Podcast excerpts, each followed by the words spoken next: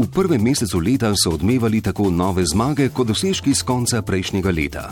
Izjemno dejanje je uspelo mišičnemu distrofiku Boštjanu Ledererju, ki sicer ni osvojil vrha Kilimanjara, a se je vendarle na invalidskem vozičku uspel več kot 4000 metrov visoko.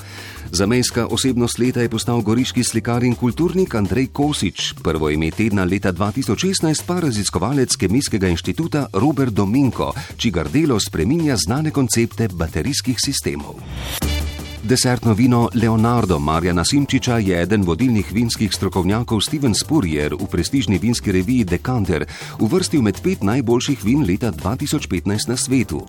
Modro ptico za najboljši mladinski roman je prejel pisatelj Miha Macini za delo Zvezde vabijo. Peter Prevc pa je postal ime tedna, saj je na novoletni turneji postavil več rekordov, med drugim je zbral največje število točk.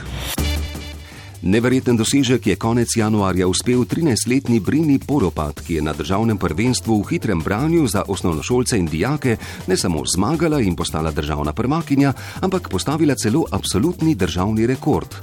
V Mengšu je Lek odprl nov laboratorij za razvoj bioloških zdravil, ki je stal 10 milijonov evrov. Prekmurski akrobatski pilot Peter Podlunšek, ki je postal ime tedna, pa je napredoval v razred Master, ki velja za Formulo 1 med letalskimi tekmovanji. Izbiranje 3. januarskega imena tedna je bilo kulturno obarvano. Pesem upora pesnice in skladateljice Ksenije Jus je postala neuradna protestniška himna.